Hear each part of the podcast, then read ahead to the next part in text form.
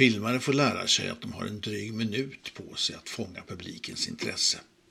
Romanförfattare vet att den första meningen är den viktigaste. Och musiker att första ackordet styr hur konserten utvecklas. Så vad ska man säga om Hanna Hallgrens bok? Annat än att hon slår knockout redan med titeln.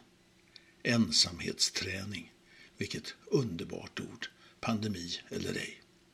Och med Majken Johansson som vägvisare genom depressionerna. Funnits det ett pris för årets bästa boktitel så vore detta vinnaren. Volymen kan placeras vid självhjälpsböcker, underavdelning poetisk självhjälp, konsumentupplysning, brukspoesi för vardagsneurotiker, ett flerstegsprogram för den som önskar bli av med sina illusioner om poesi, kärlek, hundar, litterära biografier, småstäder, kristendom och en del annat som ryms mellan raden. Och eftersom Hallgren är en påfallande generös författare så kan det hända att läsaren får med sig några nya livsbejakande illusioner också. Så hur ska en kritiker artbestämma denna undflyende text? Lätt som en lagd pannkaka. Detta är inte dikt för dästa belästa utan för ensamma. Sådana som vet att det gäller att söka hjälp från oväntat håll för att inte fastna i vardagens fällor. Alltså börjar läsningen med omslagets teckning av en hund. Hunden är Majken Johansson i nygullig, aningen bulldogsaktig tappning. Författarens vän som hjälper henne att följa spåren efter den första Majken Johansson som försvann i frälsningsarmén och spriten för att till slut lämna sinnevärlden. Författaren följer Majkens tassavtryck i dikter, berättelser och vittnesmål. Allt utforskar Hallgren med en tullhunds känslighet, vilket inte ger något rakt spår. Verkligheten sliter och drar från alla håll och all medicin luktar inte gott. Utanför minnet står träden. En lång allé längs grusvägens sidor. Hundarna som sprungit här med lyckliga svansar. Grisbökar nosar. Verkliga streck i vinden. Om det finns någon motsats till sanning är det inte glömska utan tystnad. En surrande reaktor. Hur kan jag veta det? För att jag levt i en sådan tystnad. Att lägga band på livet, en hand omkring hundens nos, näve som rycker tag och vrider till i kinden. Nej, ner med dig nu. Stilla, för ditt eget bästa. Sitt still i grönska. Stilla som i gräs, ett grönt kompostgaller. Bara med halva ansiktet får livet att gro. Det finns inga vittnen till livet. Djupare andetag och eller cirkel, långsam ensamhetsträning. Det överlever oss som ännu inte finns. Den skapelsen överlever oss. Redan i dessa inledande rader så visar författaren att hon har berättelsen i fast koppel.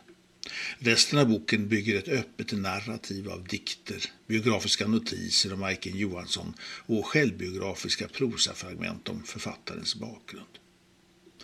En höglitterär kennelklubb kanske må hända inte skulle uppskatta la suite du pensée, alltså den ordning i vilken styckena läggs upp.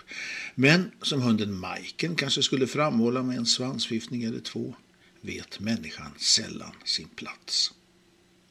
Dock är denna oordning mer befriande än irriterande. Hallgren plockar upp minnesfragment från sitt eget liv. Som ett skeptiskt barn öppnar ett julklappspaket från en onkel de vuxna varnat för. Och allt hänger samman med allt, om än inte alltid på ett begripligt sätt. Terrängen är välkänd. Svenska författare är besatta av småstadens omöjligheter, så och Hallgren.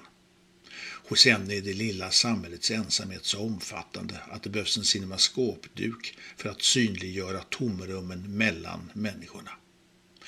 Detaljer på detaljer till centralperspektivet skyms och vardagen blir ute som en mosse över de stora frågorna. Det är inte upphöjt existentiellt lidande men det vardagliga är envisare än matbutikens alla reklamtexter och alla idrottslärares samlade hurtighet. Men så finns där Majken, författaren, innan hon blir hund. Och Willy Granqvist är med på ett hörn innan han förvandlar sig till fiskmås. Tonåringen Hallgren läser deras texter som vore det hägringar från en annan värld. Vad de två döda författarna har gemensamt med den blivande är kroppslighet.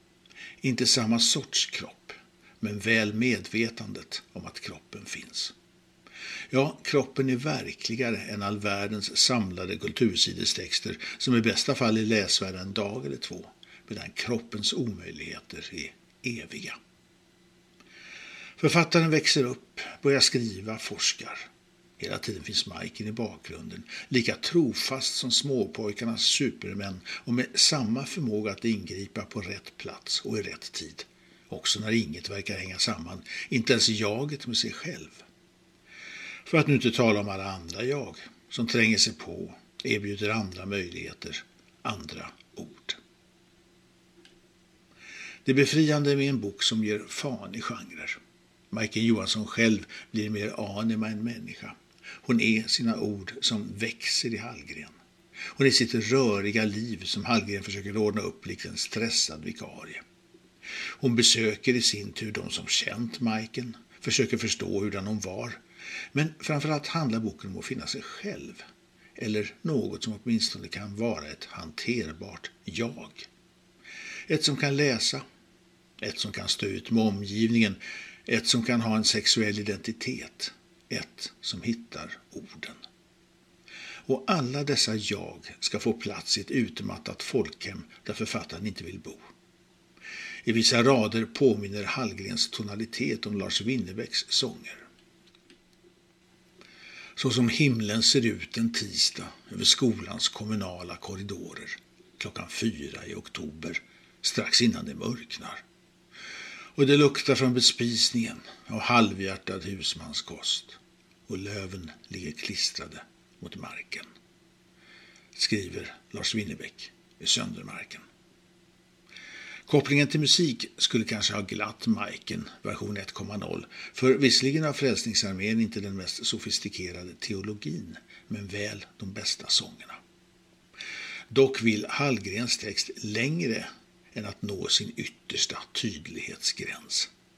Den kravlar sig med hopknipna ögon framåt nu, genom jordhögar av gamla ord, outtalad åtrå, smålögnerna om Majken. Hallgrens text rör sig med en kopplad men ilsken energi. De andra 50-talsförfattarna blev katoliker. Det var fint intellektuellt, kanske till och med lite ädelt. Men Frälsningsarmén. Hallgren, som är född in i Frälsningsarmén, försvarar Majkens val. Men behövs det? I det kvarter där jag skriver dessa rader brukade Frälsningsarmén köra ut överblivna portioner från kvarterets bästa krogar. Krögarna skänkte gärna, men transporterna var krångliga. Frälsningsarmén bad om bidrag till att köpa en flakmoped. Jag skickade omedelbart pengar. Det visade sig att alla grannar också gjorde det. Pengarna kom in på en dag. Givarna gick inte med i armén, men respekterade den. Jag tänker mig att Hallgren puttrar omkring i sin berättelse med denna flakmoped. Hon tar sig till Majken Johanssons kända adresser, ringer på och frågar. Var hon verkligen så besvärlig? Var hon alkoholist? Varför ville man inte erkänna att hon var lesbisk? Att gå ut ur armén och in i litteraturen var det mitt försök att bli respektabel, vilket dock underminerades av min lesbicitet. Du blev mindre öppet lesbisk och mindre respektabel som poet när du gick in. Det spelar kanske ingen roll om vi går ut eller in genom dörrarna vi funnit, så länge vårt hjärta frågar vad är liv? Nere på jorden hos mig uppe i himlen hos dig ska gräset famna. O, oh, hur saligt att få vandra med Majken Johansson bredvid är det glättig poesi, kärlek och frihalsad sång. Vem orkar sitta som en poet på hela helvetets yta en evighet? Bokens stora förtjänst ligger i de ständiga bytena av perspektiv och språknivå. Hallgren vågar vara rolig, en alltför sällsynt egenskap i dagens poesi, både tankemässigt och i rena ordlekar. Hon vågar vara precis i sitt självutlämnande, vilket gör lidandet vardagligt hemskt, inte storstilat. Och hon vågar byta riktning, växla tonart och rytm. Och värst av allt, hon vågar vara optimist.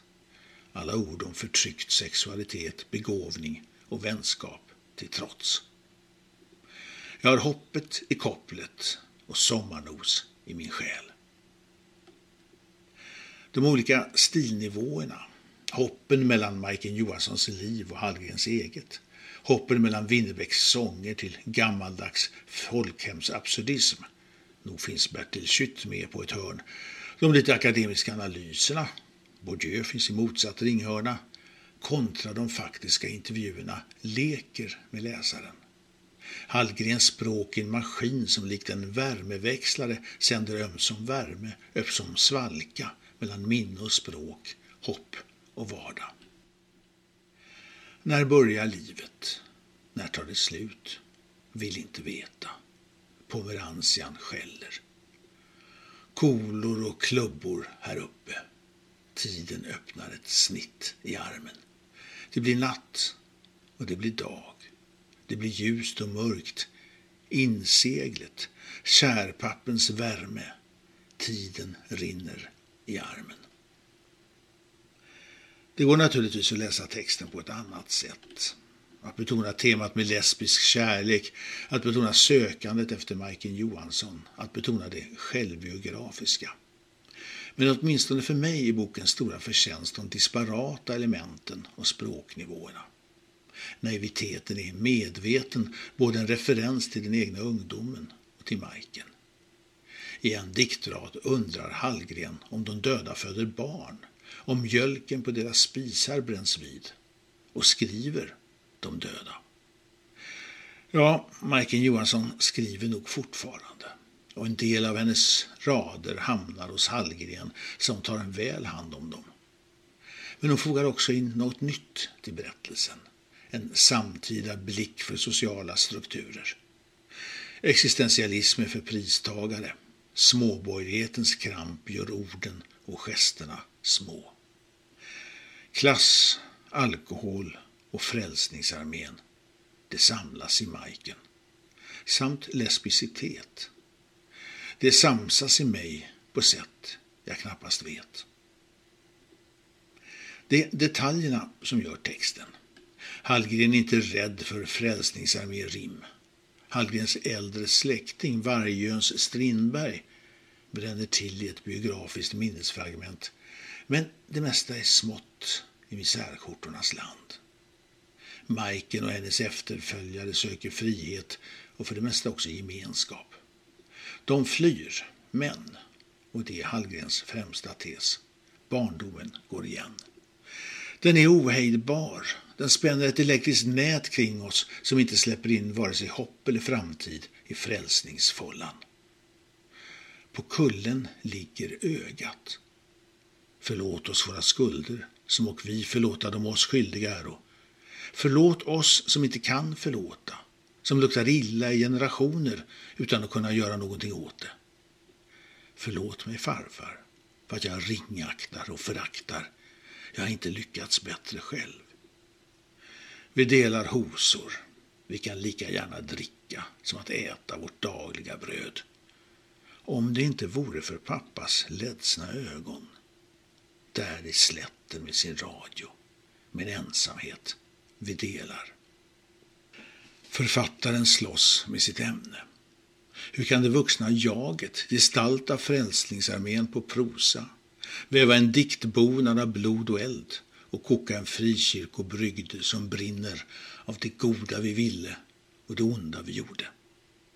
Majken flydde till Frälsningsarmén. Hallgren flyr från den. I det sekulära Sverige finns risken att författarnas respektive val blir excentriska biografiska detaljer när det i själva verket är val av existens. Hallgren är tillräckligt nutida för att betvivla litteraturens kraft.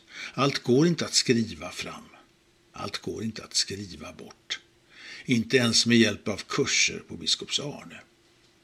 Klassresan kräver ansträngning. Den geografiska resan lika så. Livet i Stockholm är måhända fritt, men det gör det ännu svårare att förklara det där med Frälsningsarmén. Hallgren citerar andra poeter, men det är hennes egen språkenergi som övertygar. Genom sina språng och kast får hon med oss på resan. Jag gick in i språket ensam för att nå någon, skriver Hallgren. Vi nödlandar alla på Majkens ord. Ett under är det att vi inte är ensamma.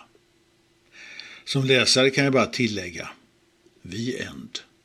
To be continued.